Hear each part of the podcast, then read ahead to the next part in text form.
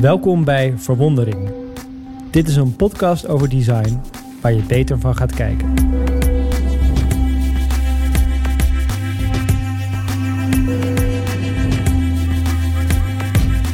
Elke aflevering spreekt Harold Dunning met andere ontwerpers en creatieve ondernemers over de impact van hun werk.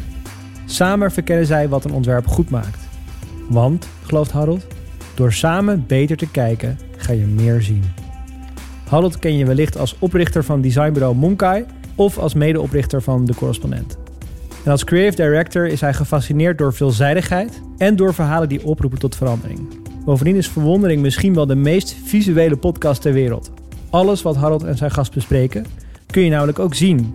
Ga daarvoor naar verwondering.com.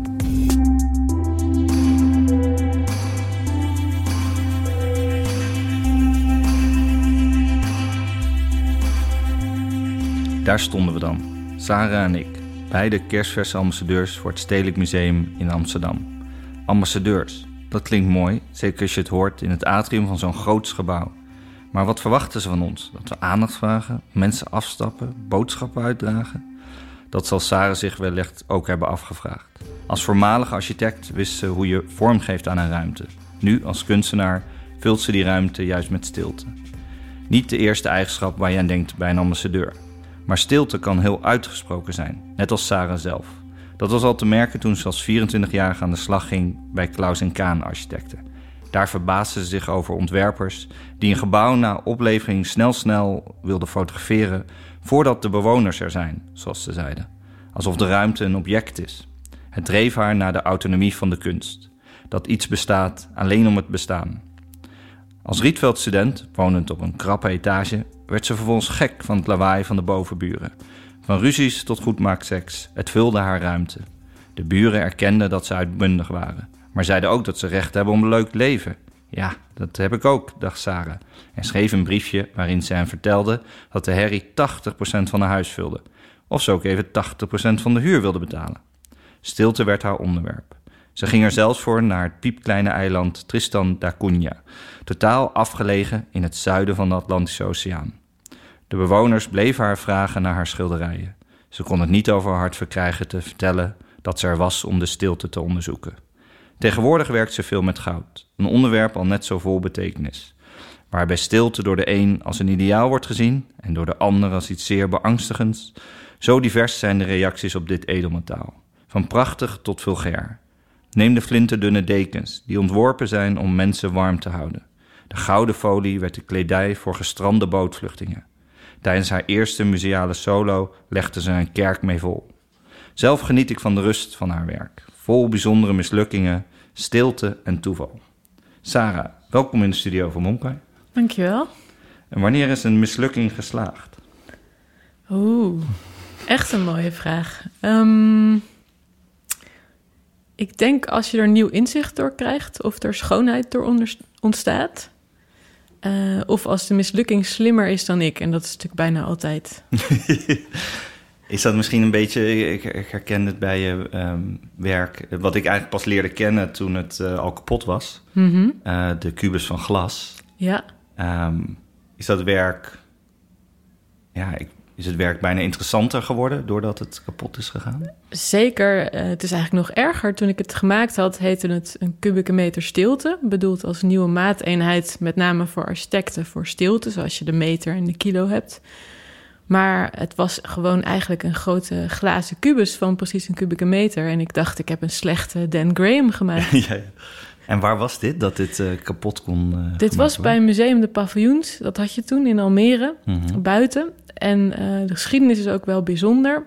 Ik had al een poosje dat idee van... Nou ja, ik had het project van de buren gedaan... wat je Mhm. al even aanstipt. En toen dacht ik, maar wat is stilte dan? Dus ik wilde daar een maateenheid voor maken. Ik dacht ook, als je een nieuw huis hebt... dan zijn er allemaal regels voor brandveiligheid... eh, geluidswerendheid, eh, hoe groot alles moet zijn... maar op hoeveel stilte heb je recht? Dus ik had een houten kist gemaakt van precies een kubieke meter stilte als inhoud. Mooi. Een kubieke meter. Maar eigenlijk durfde ik dat aan niemand te vertellen. Dus iedereen die zei, oh, heb je een werk verkocht? En ik zei, ja, nee, inderdaad, inderdaad. Maar het was dus pas de directrice van uh, Museum de Paviljoens, Masha Roesink, die zei: Ja, volgens mij zit er meer uh, achter dit object. En zo is uiteindelijk de glazen kubieke meter stilte er gekomen. En die is in, uh, in, gewoon in de publieke ruimte geplaatst? Ja, die is buiten naast het museum geplaatst. En ze had me wel gezegd dat er wel eens hangjongeren waren. Het is Almere. Het is toch Almere, de Almeerse jeugd. Uh, maar inderdaad, een paar weken al um, na de opening ja, belde ze. Sarah, is vreselijk. Hij is helemaal kapot.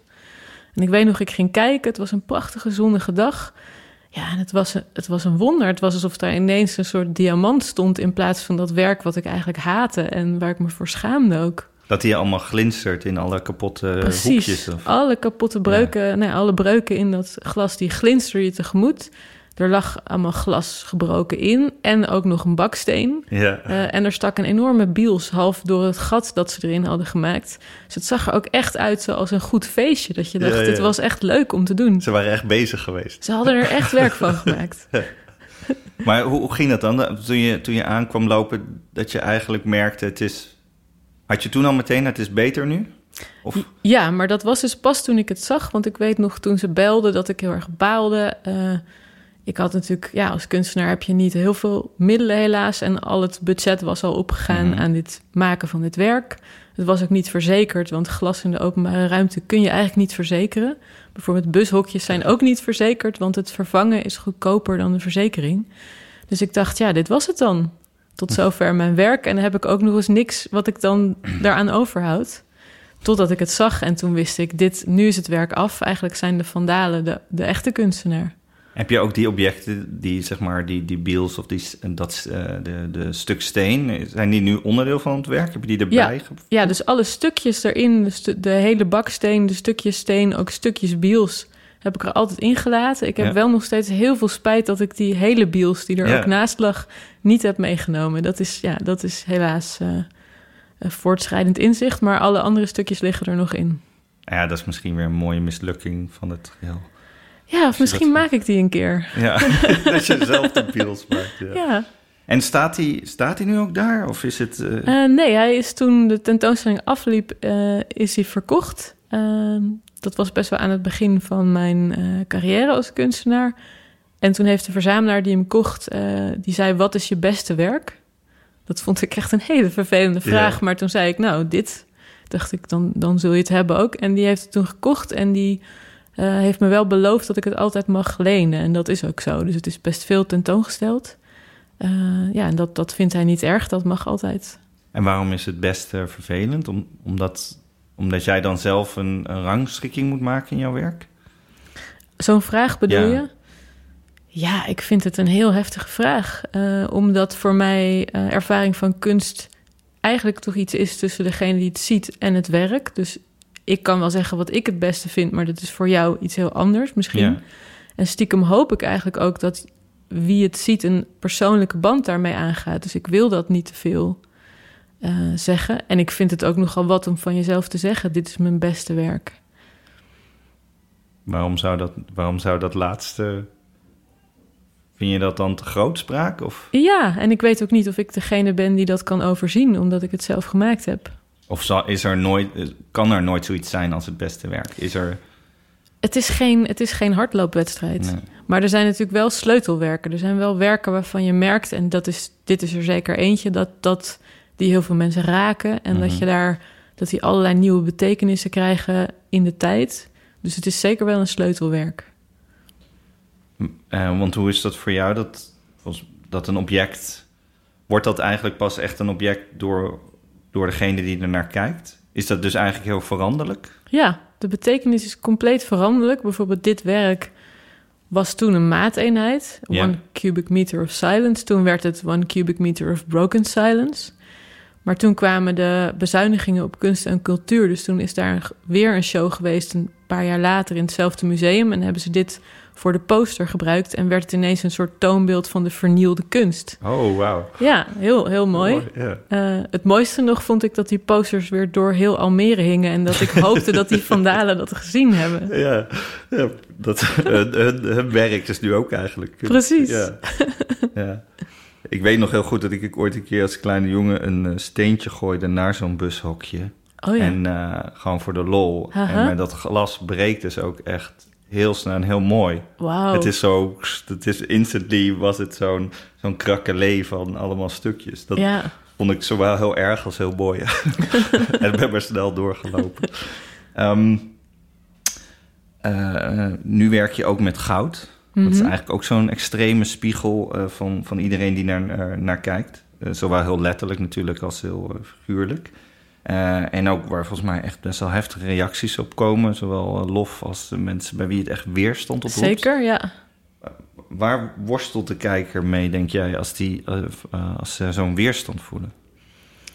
Ik denk, eigenlijk zou je het natuurlijk aan die kijker zelf moeten vragen, maar ik denk dat men het vaak plat vindt en bijvoorbeeld associeert met kitsch, eh, wat ik zeker ook snap. Eh, en een veelgehoorde opmerking is: jouw werk is zo gelaagd, dit goud is zo plat. Eh, dat vind ik heel fascinerend, omdat ja, iets wat zoveel oproept in mijn ogen niet plat is. Maar het is natuurlijk niks. Het is, het is van zichzelf niks. Het is iets omdat wij het al heel lang waarde toekennen. Zowel monetaire waarde als mythische waarde. We maken er ook onze trouwringen van. Het Ja. heeft allerlei eh, kanten. Maar in de kunst, zeker in de hedendaagse kunst, is het echt not done. Wordt het echt gezien als eh, ja, lelijk en kitsch eigenlijk. Ja. Ehm, want jij hebt bijvoorbeeld eh, een, voor de Nederlandse bank Mhm. een, een staaf goud gesmolten en op de trap geplaatst. Ja, ik heb Toch? een beeld gemaakt Ja. wat er inderdaad uitziet als een gesmolten staaf op de trap. Dat was voor hun 200-jarig bestaan. Mocht ik de goudkluis in, waar alle onze nationale goudvoorraad lag, of in ieder geval een deel daarvan, hè, en van die Ja. goudstaven. was een lang gekoesterde droom natuurlijk om daar een keertje in te gaan. Maar dan sta je daar en zo'n staaf is ongeveer 12,5 kilo Ja. best wel zwaar. Een beetje een soort cake, kun je je voorstellen. Maar dat is dan een half miljoen. Ja, en dat was gewoon al genoeg om een totale paniek te voelen. Dit is meer dan ik ooit ga verdienen. En Ja. dat moet dus niet laten vallen. Misschien komt er wel een deukje in en heb ik dan hè, 1000 euro verspeeld. Want goud is best wel zacht, toch? Heel zacht. Ja, als het, echt goud. ja, echt goud is heel zacht. Eh, wat ik heel mooi vond, er staan allerlei markeringen in, in die goudstaaf. Mhm. waaronder het goudgehalte. Ehm, en daar staat dan 99,99 en misschien nog wel 9, dat weet ik even niet. Mhm. En ik maakte een opmerking van, hey, is het dan niet helemaal goud? En toen heb ik geleerd van de eh, beveiliging, die wist me dat te vertellen, dat als je ooit een goudstaaf krijgt aangeboden waar 100% op staat, dan is hij dus niet echt. Want ja. bij het gieten van het goud kan altijd stof in de mal komen en daar, vandaar dus 99,999. Ja, want volgens mij iets als 18 karaats goud is, betekent 75% goud. Ik weet het percentage niet precies, maar inderdaad, 18 karaat is veel minder dan bijvoorbeeld 24 karaat. Eh, en dat is het hoogste gehalte dat we kennen. Maar Ja. ja. voor sieraden is dat weer ongunstig, want hoe puurder goud, hoe zachter. Dus als je daar die trouwring van maakt, dan zou je hem heel gauw butsen bijvoorbeeld. Ja. En ehm, ehm, je zei dat het is een soort van gesmolten goudstaaf. Het was niet echt een gesmolten goudstaaf op die. Ja, dat laat ik graag in het midden. maar ik wil je wel meegeven dat als dat werk van puur goud zou zijn, dan zou het dus een half miljoen aan goud daar op de trap in de Nederlandse bank liggen. Ja, de laatste keer dat ik in de kunst iets van goud tegenkwam, was het een eh, gestolen toilet. Oh ja, van Mauricio Catalan. Ja, die was 103 kilo goud. Dat is omgerekend iets van 4 miljoen dollar. Ja, ik heb goud. die som gemaakt, want ik hou erg van sommetjes. Dus ik heb gekeken hoe groot is een toilet ongeveer. Ja. En dan een wanddikte aangehouden van 2 mm. Dat leek Ja. me echt het minimum. Want als je bron schiet, heb je 4 mm bijvoorbeeld als minimum. Ja, Ehm, en dan was het nog niet helemaal waar wat zij zeiden over de hoeveelheid goud. Dus het is mij een beetje onduidelijk hoe goud dat Ja. toilet nu echt is. dit is wat Catalan zelf zei. in Ja, ieder geval tegen Times. precies. Maar ja, dat hoeft Precies. natuurlijk niet waar te zijn. Nou, als ik het narekende, dan, dan rammelde er ergens iets. Ja. Er zijn natuurlijk veel prachtige werken. Ronnie Horn heeft heel erg mooie werken gemaakt. Een soort, ik weet even niet of het nu Gold Field heeft, heet, maar het zijn eigenlijk twee hele grote vellen bladgoud die Mhm. op elkaar liggen. Echt ook prachtig. Een Amerikaanse kunstenaar. Ja, Amerikaanse? Ja. kunstenares. En eh, ja, andere kunstenaars die ik vind dat heel mooie werken met goud of de kleur goud, al is goud misschien geen kleur, hebben gemaakt zijn James Lee Byers bijvoorbeeld en Felix González Torres. ook, maar allemaal in die zin dus niet plat dat ze heel erg of een politieke of een emotionele, emotionele lading eigenlijk aan het goud weten te geven. Ja, ik ken Ronnie Horn uh, van. Uh, ze had volgens mij ook heel mooi. Uh, The Weather Reports You. Ja, dat, prachtig. ja. ja. alleen zo'n titel is al een soort van. Oh, ja. Um, maar volgens mij is zij ook vaak bezig wat het dan op jou doet, of wat het in de ruimte doet, mm -hmm. of waar je het Precies. ziet. Ja. Um, wat, wat betekent dat voor jou ook met jouw achtergrond natuurlijk als, uh, als uh, architect? Uh, de, relatie van wat jij maakt tot de ruimte waar, waar het staat of waar jij bent. Mm -hmm. wat, wat betekent dat voor jou? Is dat, ben je daar heel bewust van die ruimte? Of is dat een... steeds meer. Dus ik geloof steeds meer dat, net als goud, zoals je zei, een spiegel is. Ja. dat kunst dat ook kan zijn. En dat dus een één kunstwerk verschillende betekenissen kan hebben in de tijd, maar ook heel erg kan veranderen door de plek waar het staat. Een voorbeeld is, uh, ja, ik heb ooit een bronzen steen aan een hunebed toegevoegd, bijvoorbeeld. En die, ja, die had op elke andere plek was het misschien gewoon een steen, maar als je een bronzen steen naast een hunebed zet, dan, hè, dan is het iets anders. En dachten mensen ook dat het iets anders was? Ik dacht dat heel even. Ja, wat ik heel grappig vond, was dat mensen zeiden: Goh, um, op de uitnodiging van Into Nature, de landschapspianale waar dit voor was, stond een Mylar gouden reddingsdeken. Dat hadden ze gewoon de artdirectie bedacht. Ja. En mensen zeiden, ja, Sarah, dat prachtige werk op de uitnodiging... dat hebben we niet kunnen vinden. um, ja, we zagen wel een heel raar hunebed... Waarbij, waarbij één steen op de weg stond... en daar hadden ze dan een beetje lullige verkeerspaaltjes omheen gedaan. Maar jouw werk hebben we niet gezien. Ja, en dat is voor mij echt mijn finest hour. Als, als dus kunst zo in de werkelijkheid opgaat... Uh, dat mensen niet beseffen dat het kunst is, daar kan ik echt van genieten. Dus dat het, dat het opvalt door niet meer op te vallen, dat het wegvalt. Eigenlijk. Ja, en dan is het soms dus zo opvallend dat het daardoor niet meer opvalt. Mensen gingen ook tegen je hunebed aanplassen, toch? Dat het... ja, ja, ik hoopte eerst nog dat het dieren waren. Dat heb ik mezelf nog lang wijsgemaakt. Maar uh, uh, de plek waar dit stond uh, op het Holtingerveld, vlakbij Frederiksoord, is een geliefde hangplek voor jongeren. Uh, daar zijn ze weer. Daar zijn ze weer, weer de jongeren. Inderdaad. Had ik die link had ik nog niet gelegd. Nou, en die drinken dan graag biertjes daar. En ja. als je heel veel biertjes drinkt, moet je op een gegeven moment ook plassen. En kennelijk is het dan fijn om ergens op te richten. En mijn werk was, uh, ja, was daarvoor ideaal. Wauw. Um, ja, en ook... Uh, maar je wilde toch ook een keer dat je daar uh, een, een soort volgens mij voor die tentoonstelling ook een, soort testopstelling wilde doen met allemaal schapen eromheen. Ja. En waar een getrouwd stelletje erbij kwam. En, uh... Ja, dat was allemaal per ongeluk. Maar wat ik misschien ook nog moet zeggen, dus het mooie eigenlijk aan dat plassen, maar ook het, nou ja, ook, hè, ik heb natuurlijk het object helemaal schoongemaakt. Maar die uh, plas is zo zuur dat die uh, oxidatiesporen op het werk heeft achtergelaten. En dat vond ik heel mooi. Dus dat onaantastbare brons, wat Mhm. duizenden jaren oud is en dat ding kan duizenden jaren meegaan, dat verandert dus toch hè, door de minieme invloed van de mens. En zo was het inderdaad ook uh, over wat jij net zei. Ik was gevraagd om een openingsperformance te doen. Mhm. En ik had bedacht om de lokale schaapskudde van 600 schapen dan over de weg aan te laten komen lopen en een rondje om mijn steen en het hunebed te laten lopen en weer terug te laten lopen. Ja. Uh, maar precies toen we dit gingen doen, kwam er een bruidspaar helemaal in vol ornaat met een fotograaf en limousine die daar hun foto's gingen maken. En die werden dus, ja, die schapen die zijn dan niet meer te stoppen. Je kan niet tegen 600 schapen zeggen, nou, vandaag niet. Dus die, ineens werden die helemaal omringd door die schapen. En dat was zo'n mooi beeld. Ik, ja, ik had het niet kunnen verzinnen. Soms is de werkelijkheid een betere kunstenaar. Heb je daar nog foto's van? Heb je daar nog beeld van? Ja, ik heb foto's ervan gemaakt. Uh, en die zijn uiteindelijk in een boekje beland wat ik bij het werk heb gemaakt. Waar onder andere ook de hele correspondentie in staat... Uh, met de gemeente en de provincie en de Rijksdienst van Cultureel Erfgoed over die steen. Want ik wilde hem eigenlijk in het hunebed, maar dat mocht niet. Dus hij schoof steeds iets verder op tot hij op de weg kwam, want dat mocht Oh, dan ja. wel. Want zo ken ik hem alleen, dat hij Ja. staat daar... Vandaar ook een beetje die lullige paaltjes Ja. waarschijnlijk om het een beetje te beschermen. Maar ook dat is natuurlijk veel beter dan mijn ideeën. Dus in die zin, een mislukking is goed als het resultaat beter is. Ehm, die foto's die eh, zetten we ook in de gallery op uh, Ja. verwondering.com. Eh, zodat we alle 600 schaapjes ook even kunnen zien. Ik ben trouwens ook wel heel benieuwd, wat bedoelde je net met dat brons? Dus Zie je oxidatie? Zie je dan zie je groen erop? Ja, Wat je zie- ziet prachtige groene, druipachtige sporen.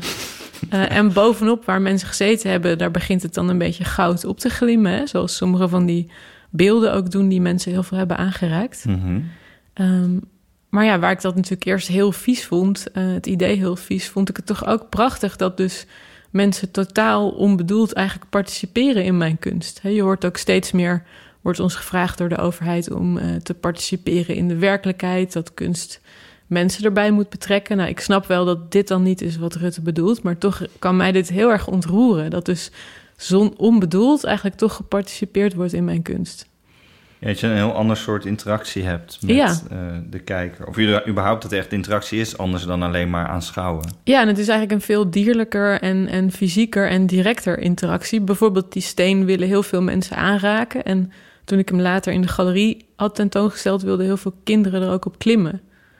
Ja, ik vind dat prachtig. Het mag natuurlijk eigenlijk niet, maar Waarom zou die eigenlijk niet mogen? ja, kunst kan je beter toch niet aanraken. En zeker als in één ruimte meerdere kunstwerken zijn... en daar kunnen een paar van er niet tegen... dan is het voor mensen vaak best wel verwarrend... als je Ja. sommige wel en sommige niet mag aanraken. Maar ik vind het wel heel jammer. Ik zou het leuk vinden dat het, als het wel zou mogen. Ja, want het lijkt mij toch ook, dat kan toch de, de intentie van je werk zijn dat er interactie mee is, dat je erop mag klimmen. Toch niet Zeker. altijd dat sacrale, we zeker, kijken op een zeker. afstandje. En een van de kunstenaars die ik net noemde... die ik echt bewonder, die veel met goud gewerkt heeft... Felix González Torres bijvoorbeeld... die heeft ook een ontzettend mooi werk gemaakt... met allemaal snoeppapiertjes. Het zijn allemaal snoepjes ingepakt in zo'n gouden of anderszins papiertje. En dan zie je gewoon een berg snoepjes. En volgens mij was dat het eh, lichaamsgewicht van zijn toenmalige vriend... die aan, eh, aan aids aan het overlijden was. Maar het idee van dat werk is dat je een snoepje mee mag nemen. Dus net als die man eigenlijk steeds lichter Oh, werd door de ziekte... Ja. wordt dat werk steeds lichter. En wat ik daar zo... Is natuurlijk ontstellend verdrietig... maar wat ik zo mooi vind... is dus alle mensen daaraan bijdragen. Dus die... Ja, maar die, het is ook... eh, Snoepjes heeft ook iets heel lichts. Dus het combineert iets lichts en heel toegankelijks. Als je een snoepje ziet, wil je dat natuurlijk pakken. Eh, met iets eigenlijk heel verdrietigs, maar ook menselijks. En dat, ja, hij is echt de meester wat mij betreft van dat soort interactie. Heb jij zo'n snoepje? Nee, was maar waar. Ik ben heel benieuwd of die ook lekker is. Ja, dat weet ik, dat weet ik dus niet. En je ma- maakt pas heel recent eh, ook werk in opdracht. Dus dan, Mhm. heb, dan staat de interactie eigenlijk al aan het begin. Ja, Ehm, hoe- wat voor invloed heeft dat op jou als maker? Het is ontzettend leuk. Ehm, het is inderdaad vorig jaar denk ik begonnen. Eh, ik was al wel een tijdje geïntrigeerd door dingen die misgaan. Ik had een serie werken gemaakt waarbij ik mijn eigen mislukte ideeën eh, uit mijn schetsboek scheur en dan met goud bedek als een soort censuur. En dan verkreukel en dan maak ik een propje van alsof je het weggooit zo. En dat wilden deze mensen eigenlijk. Ehm, dus ik ging bij hun langs eh, in hun ontzettend mooie huis aan de Herengracht, als ik me goed herinner. Zo'n huis waarvan je denkt, ja, als je hier woont, hoe kan je dan nog iets willen? Hè? Dat, is, dat is zo mooi. Eh, maar ze hadden één kamer waar ze dan toch niet uitkwamen. En al gaande ging het gesprek over dingen die zij als fouten beschouwden. En dat was eigenlijk voor het eerst dat, dat ik het heel bevrijdend merkte... hoe bevrijdend dat is om dus niet alleen in je eigen hoofd met die werken te zitten... maar om iets te maken eigenlijk op grond van wat een ander je vertelt. Als het ware Mhm. op maat voor deze mensen. Eigenlijk ga je dan weer een beetje terug naar je eerste eh schreden eh, als, als eh, architect. Dat je, Ja, misschien. Alhoewel ik wel echt een slechte architect was, hoor. maar in jouw theorie van dat je de mislukking moet vieren, was je dan eigenlijk niet nee, goed? niet, dit was een mislukking die niet gevierd hoefde te worden. Ehm, maar is dat ook een. Eh, was, er, dat op dat moment, toen je was nog heel jong, eh, toen je architect, eh, toen, toen je daarvan afgestudeerd Ja, was? 23 of zo. Ehm, maar was het ook een soort weerstand tegen het idee van, een, van, van opdrachtgeverschap of van nut? Nee, nee, dat eigenlijk niet. Ik denk dat ik had de studie heel erg leuk gevonden. Ik had wel architectuur en theorie gedaan. Dus ik had ook over Wittgenstein geschreven voor mijn afstuderen. Eh, totaal ambitieus natuurlijk. Ehm, Kun je ons vertellen eh, over Wittgenstein? Ja, alhoewel alles wat ik zeg uh, natuurlijk niet klopt, want het, het is een filosoof, een taalfilosoof. De taalfilosofie ligt best wel dicht bij de wiskunde. Ik heb daar natuurlijk echt niet genoeg verstand van om, om er iets heel zinnigs over te kunnen zeggen. Maar je zou kunnen zeggen dat hij heel erg geïnteresseerd is in betekenis en taal. Mhm. Um, en wat ik heel bijzonder vond, is dat hij in zijn leven twee diametraal tegenovergestelde boeken heeft geschreven. Namelijk de eerste, de Tractatus, Logico Philosophicus, waarin hij eigenlijk op een heel wiskundige manier naar taal kijkt. En toen dacht hij, ik heb alles gezegd, dus ging hij naar verluid uh, tuinman worden in een klooster.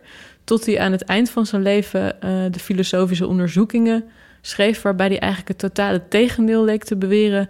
Namelijk, er is niet zoiets als één betekenis van taal, maar die betekenis ontstaat door alles wat wij mensen samen doen. Door hoe we leren. Je kunt je dan bijvoorbeeld voorstellen dat een, uh, ja, je ziet wel eens kleine kindjes een banaan oppakken en daarmee telefoneren. En je kunt denken, nee, dat is fout, want je, ja, je kan niet telefoneren met een banaan. Maar wat ze eigenlijk proberen te doen, is gewoon te kopiëren wat ze zien. En pas als ze de keer de telefoon oppakken, dan zeggen de ouders: hé, hey, goed zo. Dus zo leren we taal. En ik vond het zo fascinerend dat iemand twee totaal tegenovergestelde uh, ideeën daarop na kon houden. Maar heb je, heb je dat zelf al ervaren? Dat, dat, uh, dat, een, dat je een bestaand idee of een idee over iets had waar je nu eigenlijk heel anders op terugkijkt? Nu, nu de hele tijd. Dus je zou, ja, je zou kunnen zeggen dat uh, nooit eerder bij stilgestaan eigenlijk. Dankjewel, Harald. maar dat die filosofische onderzoekingen en dat dus steeds veranderen van betekenis door de veranderende context. En dan bedoel ik zowel de actualiteit als de plek waar iets is, bijvoorbeeld. Uh, dat ik steeds meer geloof dat dat eigenlijk de essentie van, in ieder geval van mijn kunst is. Hè, dus uh, zo'n plas op de directietrap in de Nederlandse bank is echt iets anders dan zo'n plas bij iemand thuis. Dat heeft ja. allebei een waarde, maar de, in de Nederlandse bank zou je kunnen zeggen dat het hele gebouw en alle betekenis die dat gebouw heeft, de sokkel is van het werk. Mooi gezegd. Um, ja, want ik kan me ook voorstellen, als je zo. Je bent namelijk ook heel bewust eigenlijk van de mislukking en van de, van Mhm. de relatie die het aangaat. doordat iemand anders er naar kijkt of ermee bezig is of zo. Dat wanneer weet je nou dan wanneer de mislukking geslaagd is? Want in principe is creativiteit heel vaak een, een en al Mhm. frustratie, zoeken. Ja. eh, Ja, dat is heel moeilijk, hè? En er is ook de grote angst dat je dus het niet ziet. Dus misschien dat er op een gegeven moment wel iets misgaat en het heel goed is, maar ik het niet zie. ja. Dat, dat is wel een angst die me voortdurend bezighoudt. Maar meestal, meestal weet je het als je het ziet. En dan merk je het aan je eigen reactie. En ik gebruik ook wel eens anderen als testsubject. Dus ik heb ook wel eens Mhm. thuis iets opgehangen... en dan eh, ga ik om het hoekje zitten als mijn vriendje dan thuis komt... en dan kijk ik naar zijn eerste reactie. En als dat wauw is, dan weet ik dat er iets goed is gegaan. Hij heeft ook wel eens heel frustrerende reacties op je werk, toch? Eh, ja, het is voor hem natuurlijk. Ja, het is voor hem natuurlijk. Het is niet makkelijk met een kunstenaar samenleven, laat ik het zo zeggen. In jouw atelier zag ik een eh, tafeltje, een kapot tafeltje. Ik weet niet of die uit jullie tijd... Jullie hebben samen in Brazilië ook Ja. gewoond. Ehm, was dat nou ta- dat tafeltje nou al een kunstwerk van jou? Of was het gewoon een, een tafeltje dat... Er lag een kapot tafeltje wat jouw een vriend Al die dingen. Ja, het is al die dingen. En ik weet ook nog steeds niet of het een kunstwerk is. Dus sommige werken kunnen heel lang in een soort schemerzone blijven. Mhm. Maar we woonden, we hadden elkaar leren kennen. En hij woonde toen al in Brazilië. Eh, dus ik ben meegegaan. En dat was best een zware tijd. Eh, voor hem ook ja, gewoon een nieuw land, een nieuwe taal, een nieuwe baan. Jullie, Ehm, voor jullie was het allebei on, onbekend terrein, Ja. Brazilië. Precies, maar ik kon toch een beetje lekker freewheelen en daar en hij moest heel hard werken. Eh, en toen hadden we, hij had al zijn meubels meegenomen, waaronder een tafeltje van zijn grootouders, maar een beetje zo'n kitscherig eh, tafeltje, zo met allemaal franjes en gekrulde pootjes en zo. Eh, en ook al een beetje oud en lelijk, maar zoiets wat je eigenlijk toch niet weggooit, omdat het dan van je grootouders is. Hè? Mhm. En toen heeft hij in een eh, bui van frustratie... wilde hij het tafeltje eigenlijk op de grond gooien... maar toen gooide hij het per ongeluk door een ruit. En daar schrok hij zo... door een ruit. Ja, het stuitte erop, geloof ik. En toen ging die ruit eraan en hij schrok daar zo van... dat hij nou ja, vervolgens volgens mij naar de slaapkamer vluchtte... en, en ja, echt geschrokken was van wat hij gedaan had. Want hij, hij was gefrustreerd over zijn werk. Hij, hij werkte daar voor de bank, toch? Ja, voor, eh, precies. En het was gewoon allemaal heel moeilijk en eh, ingewikkeld. Want ja, alles moet daar meteen in het Braziliaans... Port, of ja, Braziliaans-Portugees... mhm. Dus dat had hij moeten leren in twee weken. En dan moest hij in één keer allemaal moeilijke gesprekken over de beurs doen, ook nog. Ehm, maar ik vond meteen dat ook heel ontroerend. Ook omdat hij vertelde dat hè, dat, dat eigenlijk, eh, ja, dat hij zich schaamde voor die woede. Maar ik dacht, het is ook, ja, het is toch ook een soort mooi ongeluk. Ja. Zo wil, wilde ik het graag zien, ook omdat ik natuurlijk heel eh, gek op hem ben. Dus ik wilde eigenlijk om hem te verzoenen met die... Ja, iedereen heeft dat wel, hè? Zo'n moment dat je Ja. uit frustratie iets doet en dan schaam je je. Want je bent even weer een soort kleuter. En dat is eigenlijk is het heel gênant, maar soms is het nou eenmaal zo. We hebben emoties, ook als Mhm. volwassenen. Eh, dus ik wilde eigenlijk al die stukjes van dat tafeltje in brons laten namaken. Dus ik vond een bronsgieter, maar ik sprak toen eigenlijk nog niet Portugees. Dus ik probeerde een soort met handgebaren uit te leggen dat ik dat wilde. Het was heel duur. Ik geloof nou, ook echt eh, anderhalf duizend euro of zo voor betaald. En toen bronschieten is ook gewoon duur. En toen kwam ik daar en toen had hij zo'n laken. En dat haalde hij zo met zo'n soort gebaar van Hans Kazan. Zo tada, zo eraf. En dan had hij dus het hele tafeltje gemaakt. Hij had alle stukjes weer aan elkaar gemaakt. Heel schattig. En hij straalde helemaal, want het was ook heel duidelijk dat het heel veel werk was geweest om al die stukjes aan elkaar te krijgen. Maar het was dus fout. Het was een fout die ik had willen vereeuwigen. En door die weer heel te maken, was het fout gegaan. Ja, ik heb het tafeltje gezien. Het is eh, hoogglimmend. Hoogglimmend. eh Ja, ja, super het is zwaar. ontzettend kietsig. 30 kilo, dus het is een heel erg, heel erg onhandig tafeltje. En nu Ja. heb ik alsnog dan weer die stukjes gemaakt... nu we weer in Nederland wonen, een paar jaar uit ruwbrons. En nu, ja, nu, nu waait het door mijn studio als een soort groot Mikado-spel. Ik weet nog steeds niet precies wat nu het werk is. Soms ligt het allemaal op een hoop, soms ligt het uit elkaar als een soort bouwpakket. Eh, ja, ik, ik weet het nog steeds niet. Ik begrijp je vriend wel. Ik heb ooit een keer...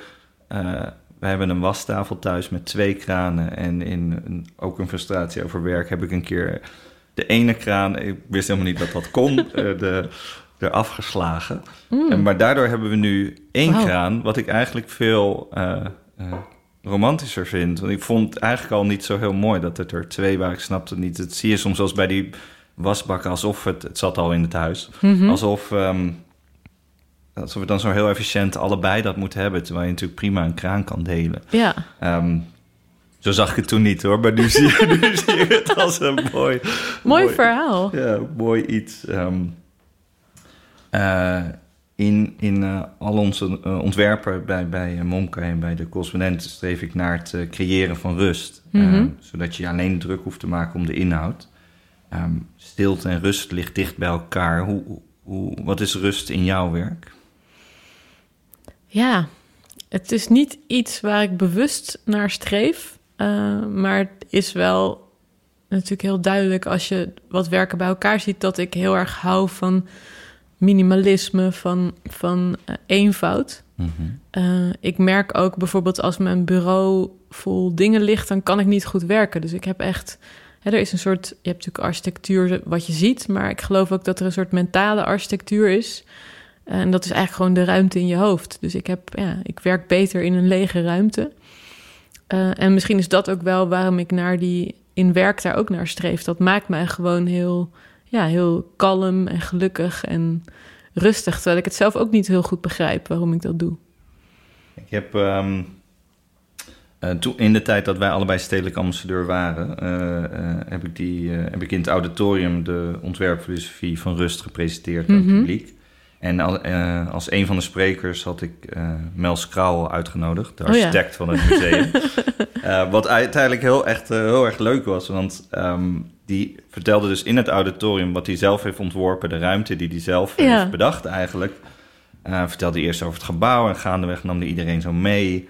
En vertelde hij, nou, nu zijn jullie in het auditorium, die is wit, hoorde zwart te zijn.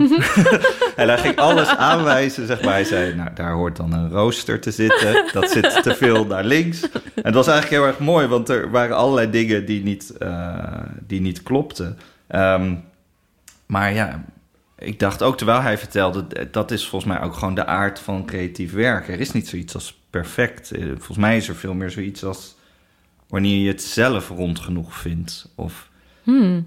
Want in principe was het niet mislukt, maar het was anders dan hij, zou, dan Ja. hij de ruimte had bedacht. Ja, mooi. Dit doet me denken aan... eh, ik had een heel goede vriend die elektrotechnicus was. eh, en die, met name herinner ik me van hem dat hij altijd zei... oei, ik ben bang dat het kunst is, als hij het niet begreep. Uh, en dat hij bij ronde dingen altijd zei, dit is onrond. Onrond. Onrond. En dat Mooi. vind ik nog steeds zo ontzettend mooi. Misschien kan het een keer een titel worden of zo. Dat, dus ja, daar, een cirkel is natuurlijk een wiskundige... Uh, kun je in een wiskundige formule vatten. Dus Ja. alles wat mensen maken... zal nooit helemaal aan die wiskundige formule voldoen. Want Mhm. wiskunde is een benadering van de werkelijkheid. Dus de werkelijkheid is nooit de wiskunde. Dat kan niet. Mhm. 100, eh, 100 procent. Misschien wel die 99,999, maar niet de 100. Eh, en eerst ergerde ik me daar heel erg aan. Ik dacht, ja, wat bedoel je dan? Is het dan geen mooie cirkel of zo?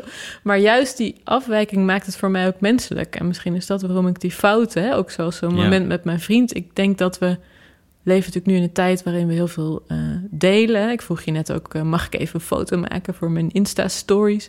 Maar we delen natuurlijk eigenlijk alleen de leuke dingen of die goed gaan. En Mhm. meestal niet de dingen die misgaan. Terwijl ik toch geloof dat in vriendschappen of relaties de dingen die misgaan, moet natuurlijk niet te vaak misgaan, maar toch veelzeggender zijn. En bijvoorbeeld als je er dan voor elkaar bent of daar in een relatie doorheen komt, dan kom je dichter bij elkaar. Dus de mislukkingen hebben meer met intimiteit te maken voor mij dan wat er goed gaat. Het is waarschijnlijk ook dat je er langer over kan denken wat er gebeurde of waar het je brengt. Maar het is volgens mij. eh, want het is niet alleen veelzeggend, het is ook dat je er veel over kan zeggen. Het is, ja, het is volgens mij is deel van de mislukking maakt het ook een ronder verhaal, waardoor, want je kan er heel goed over vertellen, waardoor het ook interessant te werk is, omdat het een het rond genoeg is. Het is een rond genoeg verhaal. ja. Ehm, Nou ja, bijvoorbeeld die- bij die eerste opdracht zaten we dus in dat prachtige huis. En dan begin je zo met wederzijdse felicitatie. Van wat ben je toch een goede kunstenaar, dankjewel. Wat hebben jullie toch een prachtig huis, Dank, dankjewel, dankjewel. Maar zij, het was een man en eh, een echtpaar, een man en een vrouw. En zij keek heel beteuterd naar de vloer. En toen vroeg ik op een gegeven moment maar van, is er iets? En toen zei ze, ja, die planken. Dus die hele prachtige 16e eeuwse houten vloer. Ja, daar miste planken en de aannemer had dan beloofd dat hij dat eh, onzichtbaar kon eh, aanhelen. Nou, nee dus. en toen heb ik uiteindelijk... ehm, eh, een van de dingen die ik voor hen gemaakt heb... is een bronzen plank, zoals die had kunnen zijn. Dus ik heb een mal gemaakt van een bestaande 16e eeuwse plank... en daar dan, ja, dat maak je dan uiteindelijk in was. En dan heb ik met eh, spijkertjes en spelden en allerlei gereedschap... eh, heb ik daar extra houtnerven in getekend... en Mhm. extra boktoorsporen. En ik had helemaal bekeken wat een soort ja, onderzoek van wat daar allemaal in zo'n plank kan zitten. En die hebben we dan weer in brons gegoten. En die staat daar nu zo tegen de muur te leunen, als, nee, zoals een plank zou kunnen staan. Maar ze zouden hem ook in de vloer kunnen leggen en dus zo'n lelijke nieuwe plank eruit halen. Hij is wel bijna 80 kilo, maar principe zou het huis dat moeten. Hè, dat kan, dat kan zo'n huis prima aan. En ik weet wel dat haar kinderen eerst zeiden: Ja, maar jullie zijn helemaal gek. Hebben jullie nou een plank gekocht? Wat is dit? maar juist dat vond ik heel mooi, omdat ze toen met ze in gesprek ging en dat ze dus ja, echt moesten denken waarom dit aan kunst kon zijn. Dus een iets ingelijst boven de bank, ja, daar zullen mensen niet vaak van zeggen: Waarom heb je dit nou gekocht? mhm, Tenzij het misschien heel opvallend of raar is of zo. mhm. Maar hierbij moest echt worden nagedacht van wat maakt dit nu kunst? En nu heeft iedereen het werk helemaal omarmd, omdat het dus over haar frustratie gaat. En dat bleek ook, hè, het ging dan ook weer over kosten. Dit, deze aannemer was wat goedkoper Mhm. en zo en zo. En er zit dan zoveel persoonlijk, ja, voor mij zoveel persoonlijkheid aan dat deze mensen dus dat hele mooie huis zo mooi mogelijk willen restaureren, maar toch ook wel voor een goede prijs. Ja, ja, en dan ja. gaat het toch mis en dan, dan blijf je dat zien. Hè? Dat net als die ene vlek in die hele perfecte trui. Ja. En nu omarmen ze dat dus als iets wat van hun is. Hè? Wat niet mislukt is, maar van hun is. En dat, ja, dat was prachtig. Ik heb het, het werk, eh, ik ben natuurlijk niet in hun huis geweest, maar ik heb het werk op foto's gezien. En wat ik ook heel interessant aan vond, is dat het wegkomt wat ik soms een soort banaal vind in kunst. Dat het uiteindelijk iets, eh, ik ben op zoek naar iets aan de muur. Ah ja, Zeg maar dat, Precies, eh, dat ja. de, de, wat soms heel erg verheven wordt, maar je zoekt gewoon een mooi plaatje waar je niet al te onrustig wordt vlak voor het slapen. en, ehm, want de, deze eh, plank, waar ze Mhm. dus zelf ook nog iets mee eh, kunnen doen, dat kan je ook zien via de spiegel, toch? Het, is, het Ja. gaat veel meer in interactie met die ruimte ook aan. ja precies. Want het is, eh, dit was een soort stijlkamer die eigenlijk van zichzelf inderdaad al zo perfect was. Ook bijna vierkant, dat maakt het heel hoog dus. eh, eh, met allemaal van die houten krullende lijsten, dat het inderdaad heel moeilijk was om daar gewoon iets tussen aanhalingstekens op te hangen. Mhm. Maar die plank, ja, die staat er echt alsof je er altijd al eh, stond. Denk je dat ze hem ooit in de vloer gaan doen? Ik hoop het. Ik hoop het. Dan halen de kinderen het er misschien weer uit. Ja, wie weet. Ehm, je hebt zelf ook een ambassadeur voor je werk, eh Jeannette ten Katen. ja, fantastische vrouw. Ehm, wat, doet wat doet dat voor jou, een ambassadeur? Zij is volgens mij van Art Connector. Wat, wat is dat precies? Hoe Eh, werkt dat bij... Ja, je hebt tegenwoordig... Natuurlijk heb je, kan het zijn dat een galerie je vertegenwoordigt als kunstenaar. Hè? Die verkoopt dan je werk. Maar wat je hier, wat je in het buitenland al langer ziet... maar wat hier ook heel erg in opkomst is... is dat je eh, mensen hebt die eigenlijk... ja, eh, ehm, een groep van mensen eh, begeleiden... die graag kunst zou willen kopen... en het leuk vindt om kunst te zien... mhm. En die nemen ze dan mee naar studio's, musea. Soms is het een lezing, soms is het een kleiner of een groter gezelschap. En uiteindelijk kopen die mensen dan soms ook iets. Dat is niet altijd zo. Mhm.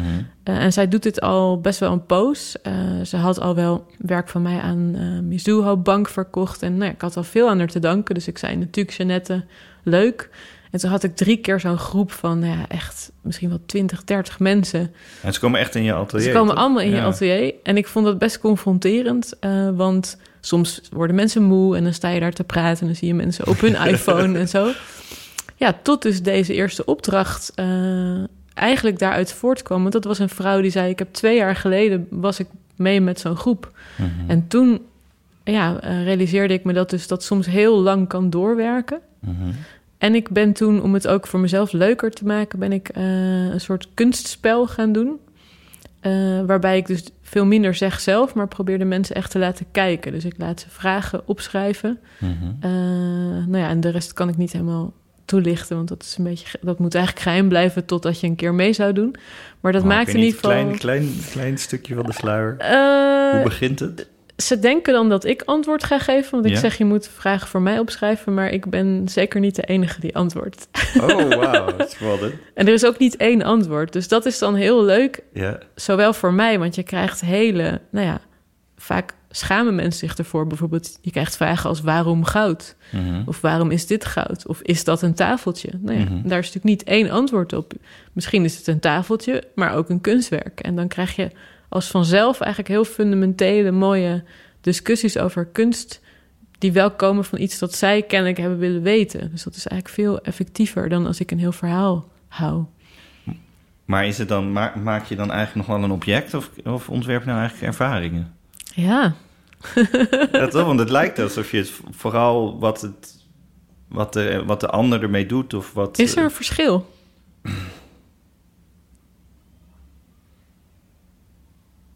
ehm, Is het mogelijk een object te ontwerpen zonder dat je daarmee ook een ervaring ontwerpt? Nee, het object heeft altijd een. Nou, heeft het. ja, je kan natuurlijk een object maken wat niet. Waar, waar nooit iemand bij komt of waar nooit een. Ja, Maar ja, al komt er een dier bij, dan is er nog steeds. In, ja, en het heeft nog steeds eh, interactie met, met de omgeving. Er is nog steeds. Stel, het staat buiten, er komt nog steeds regen op en iets. Dan, maar het is, het is pas een ervaring als er een, een mens. En waarschijnlijk ook een dier. Een dier kan eigenlijk ook een ervaring mee Mhm. hebben, erbij komt. ja. Ehm, ja, ik merk zelf in ieder geval altijd dat ik bij ontwerpen heel erg bewust ben van. eh, eh, misschien ook mijn, mijn achtergrond is natuurlijk eh, echt als eh, in digitaal ontwerp. Dat, je, Mhm. dat het heel normaal is om te praten over gebruikerservaring. Hmm. Dus user experience of Oh ja. experience. En experience betekent dan helemaal niet.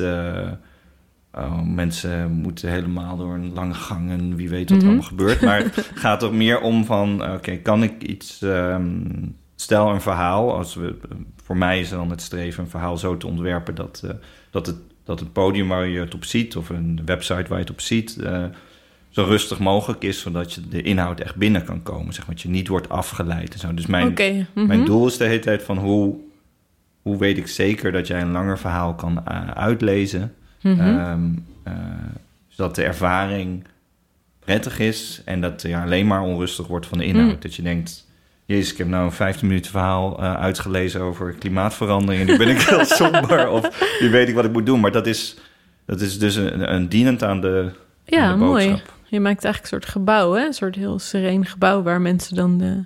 Ja, Ja, ik denk voor mij dat dat voor een deel ook zo is. Maar dat het meer gaat voor mij over eh, verleiding. En dan bedoel ik de verleiding om een soort bijna fysieke... in ieder geval heel primaire relatie aan te gaan met zo'n object. Of de reactie uit te lokken. Dus dat kan zijn, wauw, wat mooi. Of hé, wat is dit? Weet je, maar een soort... Ik hoop iemand op dat gebied te treffen. Omdat ik geloof dat als dat eerst komt dat dan de gedachten die daarna komen persoonlijker zijn dan als je eerst hè, een heel bordje zou moeten lezen of een heel. ja, ja. eh, dus ik, ik hou heel erg van die combinatie. Dus het object moet je eigenlijk verleiden om daar een reactie mee aan te gaan. Soms is dat door de, door de schoonheid of de, de eh, ja, dus wat jij noemt stilte die het Mhm. uitstraalt, maar het kan ook juist door een soort kracht zijn dat het. Soms maak je iets en dan denk je, ja, dat dit nog niet bestond, dat is gewoon te gek voor woorden. Wanneer had je dat?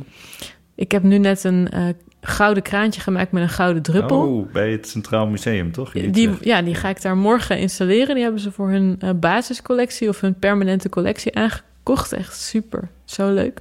Maar dat is gewoon een, ja, een klein eh 19e eeuws gouden waterkraantje. En daar heb ik alles wat ik gedaan heb, is daar een gouden druppel aan maken. Ja, het kraantje is een beetje wat groffer structuur. wat- ja, het kraantje is geoxideerd. Ja. Daar heb ik niks aan gedaan. Ja. Dat, is, dat kan ook nog verder oxideren. En die druppel is hoog gepolijst eh, brons. Dus die is echt mooi glimmend goud. En dan Ja. nog afgelakt. Dus die blijft ook heel mooi. Ja, en, maar ja, als je dat dan bedenkt, dan weet je het niet hoor. Ik dacht, ja, dit kan of heel slecht zijn of heel goed. Maar ik weet het eigenlijk nog niet. Ja, ze noemden het zelf eh, wel grappig, want ze hebben het net aangekocht eh, vlak voor, eh, voor de pandemie. Corona, ja. Ja, dat ze het als een symbool van het handenwassen in, Precies, in fantastisch. coronatijden was. Ja. Maar dus de mensen kwamen daarover met de mooiste anekdotes. Hè? Eén vrouw zei nou... ehm, bij zo'n kunstspel wat we dan deden... eh, had iemand ook gezegd van waarom het kraantje? En toen had iemand anders geantwoord... nou ja, dat is omdat eh, water zo waardevol is als goud. Hmm. Ja, dat is niet wat ik verzin, maar dat is wat zij ziet. En iemand anders zei nou omdat de kraan van de economie dicht moet... want we Jeetje, geven te veel uit. Zo. En weer iemand anders zei, dat is de kraan bij Trump. En die, die is zo rijk, daar komt het goud gewoon, eh, Ah. stroomt daar zo uit de kraan. Volgens mij is dit echt super grappig eh, om de hele tijd toch als, als kunstenaar bij te staan om te horen. Ja. Dat je denkt, oké, dit Ja, nee, het is- dit. Het is fantastisch en dat bedoel ik misschien met dat dus... Ja, het, ik hoop ook dat het kunstwerk slimmer is dan de kunstenaar. Dus dat hij veel meer betekenis in zich draagt dan wat ik daar inleg. Maar betekent het voor jou nu ook meer dat dat dan in, weer in Utrecht staat? Je komt zelf uit Utrecht. Is Ja, dan de plek ook weer er belangrijk? geboren. Ik vond het hier wel heel grappig. Dat de plek waar ik geboren ben, dat daar dan nu een, eh, ja, een werk van mij komt. Dat vond ik wel heel mooi. Heb je het al kunnen... Want je bent er nu geweest om het te installeren. Morgen gaan we het Oké, installeren. morgen. Het Ja. Eh, wel fijn ook dat mensen er weer heen kunnen ook, toch? Zo fijn. Ik was vanochtend in het Rijksmuseum. En vorige week in het Van Gogh Museum, waar ik denk ik misschien al vijf jaar niet geweest was. Ja. Ja, het is natuurlijk vreselijk nu met corona dat het zo. eh, het is vreselijk voor de horeca en vreselijk voor de hele. Nou ja, alle ondernemers. Maar het was zo bijzonder om bijna alleen in zo'n museum te staan. Mhm. Het is eigenlijk alsof je dus. Waar dat object normaal echt een kunstwerk is, omdat er zoveel bezoekers zijn en Mhm. de setting van zo'n museum, kon je het ineens weer. Ja, kun je ineens dingen weer veel meer één op één bekijken. Dat is, ik kan het iedereen aanraden. Doe dat ook. Ja, in principe kan, is dat vaker te bereiken. Ja? Maar dan moet, je, ja, dan moet je gewoon helemaal tot het eind wachten en Ah. brutaal zijn. Gewoon dus net te lang wachten. Oké. Want dan, tenminste, zo ervaarde ik het vaak, zeg maar. Van je, er zijn best wel veel musea waar je best wel goed alleen kan zijn. Mhm. Eh, ik had het vaak als ik eh, ergens in het buitenland voor werk moest zijn, dat ik er nog ergens een museum in stop. Kom je automatisch meer tegen de randen van de dag. Ja. Eh, en dan kan je die rust, rust ook ervaren. Het is hetzelfde als. En je hebt een hele mooie podcast gemaakt, eh, Future Shock, voor eh, Tegenlicht. eh, Mhm. over de stilte in de stad tijdens corona. ja, met Tom Reinder. Waar het een soort semi-stil was. Maar Eigenlijk, ja, hoe harder je naar de stilte zoekt, soms hoe verder weg die is. Mooi. Ja, want daarbij dacht ik ook van als je dat, zoals bijvoorbeeld bij het hardlopen, jij ontdekte volgens mij het hardlopen door eh, Corona, eh, ja. door corona, dat, eh, dat alle sportscholen of dat alle klasjes en zo dicht zijn. Ehm, Ja. ik hou heel erg van heel vroeg hardlopen. Mm. half, half zeven, zeven. Oh, wow. Juist omdat dat gewoon de enige... Dat het dan... Dat je dan die schoonheid kan vinden. Ja. Dus voor iedereen die denkt... Oh, de schoonheid is straks weg van de mooie coronarust. Je moet de randen eigenlijk opzoeken. En dan kan je het volgens mij weer heel Mooi, dat heel zal ik, eh, zal ik proberen. Ja, het is een hele leuke... eh, eh, eh, ehm, je was gevraagd om, om de stilte van de stad... je wordt natuurlijk de hele tijd gevraagd over... om Nou, stilte te duiden, denk ik. Ik was ooit gevraagd door hun inderdaad om stilte in de stad te duiden. Maar nu had ik mezelf uitgenodigd. Want ik dacht, door corona is die, is die hele podcast niet meer waar. Hè? De, zeker de eerste weken van de lockdown was stilte zoiets anders geworden in de Ja. stad. Het was van iets wat misschien mensen graag willen en opzoeken, maar er bijna nooit is. Naar iets wat ineens overal was, Mhm. eh, maar misschien niemand meer wilde omdat het zo beklemmend was. Mhm. Dus ik dacht, we moeten die podcast opnieuw doen. Eh, nou ja, en dat, was, dat vond eh, Tom goed, dus dat heb, heb ik toen gedaan. Ik heb een soort audiodagboek gemaakt. Alleen hoe harder ik op zoek ging naar de stilte...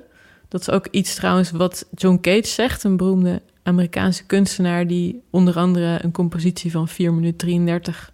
ik hoop dat ik het goed zeg, stilte heeft gemaakt... Mhm. Ehm, dat inderdaad, hoe harder je zoekt naar stilte, of hoe stiller het wordt, hoe moeilijker het juist is om die stilte te bereiken. Nou, en dat bleek ook zo, want bijvoorbeeld de stoplichten op de dam, joh, hoe hard die tikken. Nou, ik had geen idee. Ja. Ja, je kan dit eh, allemaal terugluisteren, want je bent inderdaad met een microfoon door de stad heen gegaan. Ja. eh, wat echt heel eh, interessant is om te horen. Ehm, en uiteindelijk, ja, uiteindelijk ontmoet je dan een man die... die Ruud, ja. Ruud, de... De anti-stilte noem ik hem eigenlijk in ja, hoe heet eh, zoiets ook alweer? de orgelman. De orgelman. Ja, wat voor mij wel ongeveer het meest gehate geluid is... in de zin dat ik het echt anti-stilte noem. Het is Mhm. Nou ja, je had het net over die rust waar je naar Ja, streeft. dit Dit is is, het. eh, het totale tegenovergestelde. Doet dit met mij in ieder geval. Ja, die, die, eh, ik heb het één keer ehm, is dat, in Berlijn meegemaakt. Helemaal, ook weer helemaal tegen de randen van de dag. In, ik denk dat het, even kijken of het goed zeg, het Judisches Museum is.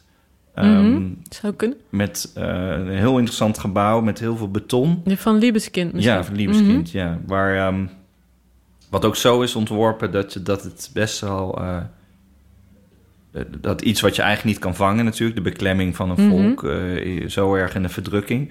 dat, dat de wanden die komen dichter naar elkaar toe... en sommige paden in het gebouw gaan iets omhoog.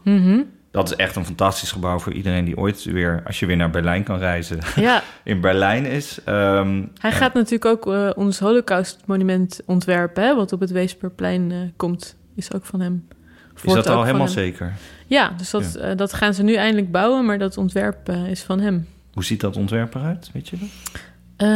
Niet helemaal, maar ik had de indruk dat het ook wel dit soort, een deel van dit soort hè, wanden heeft. En vaak zijn die, eh, het lijken dan soort at random allerlei lijnen, die hè, Mhm. gangen en wat je zegt schots en scheef. Ja. Maar vaak zijn dat lijnen die hij dan dus op de kaart trekt tussen bijvoorbeeld belangrijke plekken voor het herdenken of waar Joodse Ja. mensen hebben gewoond. Of hij, ja, hij, hij verbindt dus eigenlijk de stad als geheel en die hele geschiedenis die leidt tot deze architectuur. Ah, Ik denk dat je dat in dat museum, en dat, soms werkt het ook beter, zeker die stilte daar, dat het beter op je inkomt als je alleen bent. Ja, En bij dat museum is dat heel erg mooi. Er is ook ergens een vloer met, eh, dat is een kunstwerk van iemand anders, eh, met, met allemaal losse metalen deeltjes, waar als je Mhm. daarop loopt, dat het dan ook heel... oh mooi. En een kamer, die eigenlijk een soort betonnen kamer is, die eh, helemaal bovenin open is. Ja, En toen ik er was, was het al helemaal donker. Dus je gaat in die kamer en dan is er niks meer. Want de hele grote roestige deur valt dan dicht. En dan voel je ineens de, de, de kou van de wanden en zo. Mhm, en dan is mhm. die stilte ineens eh, heel, heel beklemmend. En daar was het ook echt bedoeld als het gevoel van hoe het is om in een wagon te zijn op weg naar je Ja. eh, eh, einde. Wat je eigenlijk niet echt kan vatten en toch... Toch vat doet hij het- dat, hè? vat, Ja. vat de ruimte dat. Ja. nee, pure stilte is, ook al denk je misschien soms dat je daar naar verlangt, maar ik was ooit in een anechoïsche kamer, dus een kamer zonder echo. Ehm, dat is eigenlijk een wetenschappelijke opstelling, die bijvoorbeeld eh, deze is in de natuurkundefaculteit in Delft. Wordt gebruikt om bepaalde apparatuur dan te testen in een situatie zonder echo. Want je had dat ontdekt bij Cage ook, toch? Dat Ja, want daar- Kees had beschreven hoe hij daarin ging eh, en dat hij dan dus nog delen van zijn lichaam kon horen. Ja. En ik ging daarin en je komt dan in een soort vierkante ruimte die helemaal eh, bekleed is, uh, vloer, wanden, plafond met soort schuim, piepschuime punten, zodat geen enkele echo direct terugkomt. En je loopt op een soort metalen net, hè, want je kan niet op die punten lopen natuurlijk. En ik weet nog dat ik daarin ging en dat doen ze zo'n hele dikke deur als van een soort kluis doen ze dicht. Ehm, en dat ik dacht, nou, het is hier eigenlijk niet stil. Het is vast niet helemaal goed deze ruimte, want ik hoorde snelweg nog. Zo. En tot ik me realiseerde, dat is mijn bloed. Ja, en toen heb ik meteen op die deur staan bonzen van laat me hier uit. Want ik vond het zo akelig. En toen ben ik, in totaal ben ik uh, over verschillende jaren... daar denk ik drie of vier keer in dat soort ruimtes geweest. Kunnen, kunnen anderen daar ook in? Zouden wij daar ook in kunnen? Je moet het aanvragen en, en als ze dan welwillend zijn, zou je er zeker in kunnen. Je hebt er ook een in Parijs, bijvoorbeeld in het Eerkam. Dat is ook een geluidsinstituut. Dus je moet wel aangeven waarom je dat wil. Maar dus de laatste keer um, uh, vroeg ik of ik ook mocht liggen op dat net. Ik dacht, dat ik eens iets, hè, even iets anders proberen yeah. dan ik al had gedaan. En of het licht uit mocht. Uh, of ik vroeg of het licht uit mocht. En toen zei hij, nou dat mag wel, maar alleen als je gaat liggen. Want omdat er geen echo is, kan je nergens aan oriënteren. En als je dan nog ziet, dat is dan, dan, dan dat is oké. maar als je licht uit is, dan heb je kans dat je omvalt. Wow. En zeker als je hakken aan zou hebben of zo, dan kan dat best gevaarlijk zijn. Ja. Dus ze zei dat mag, maar alleen als je gaat liggen. Ja. Ja, en dat was waanzinnig. Het was echt alsof ik op een soort bergtop in de Amazone zat. En in één keer waren de wanden weg. En het was alsof ik in een oneindige ruimte zat. Omdat er dus geen enkele muur te horen was. Nou, en dat was echt een, een soort trip. Alsof ik, uh, ja, als, een soort waanzinnige trip. Ik dacht echt, als ik nou heel veel geld had, dan wilde ik dit in mijn huis. Dus zo'n donkere anachronische kamer. um, ik, het doet me ergens denken, maar dat is waarschijnlijk helemaal niet dezelfde ervaring hoe het is om te floten. Oh ja. Want dan, dus floten betekent dat je in een soort uh, grote bubbel gaat met uh, heel zout water, waardoor mm -hmm. je drijft. Dan is ook ja. alles donker. Ik vroeg daar ook om geen muziek en zo en geen cheesy geluid, maar op een gegeven moment weet je niet meer wat... Dat nee. is bijna niet voor te stellen, maar je snapt op een gegeven moment niet meer zo goed wat boven en onder is. Nee, maar dat is natuurlijk sensorische uh, deprivatie. En dat is, dat is inderdaad, denk ik, heel vergelijkbaar. Mhm.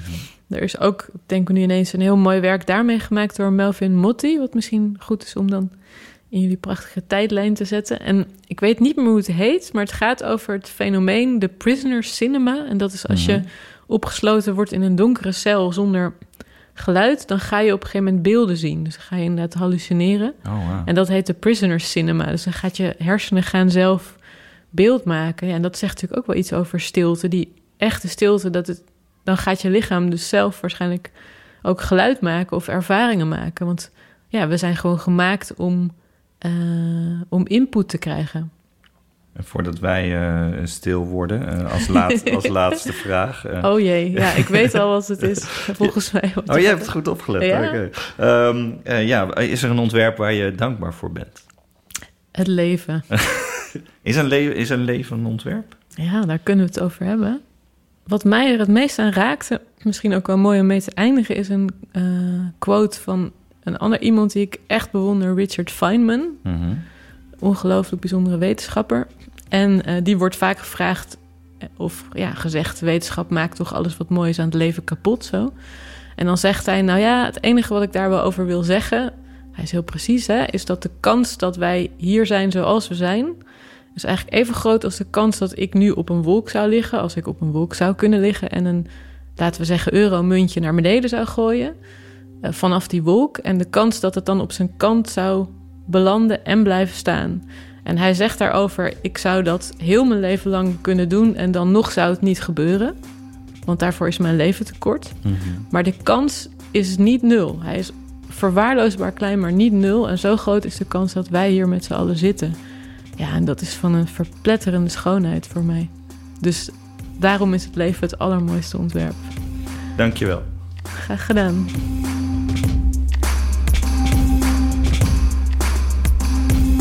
Heb je reacties, tips of ideeën voor een gast? E-mail ons via podcast.verwondering.com. En je kunt ook een review achterlaten via iTunes. Dat vinden we heel leuk om te lezen. En het helpt andere designliefhebbers deze podcast te ontdekken.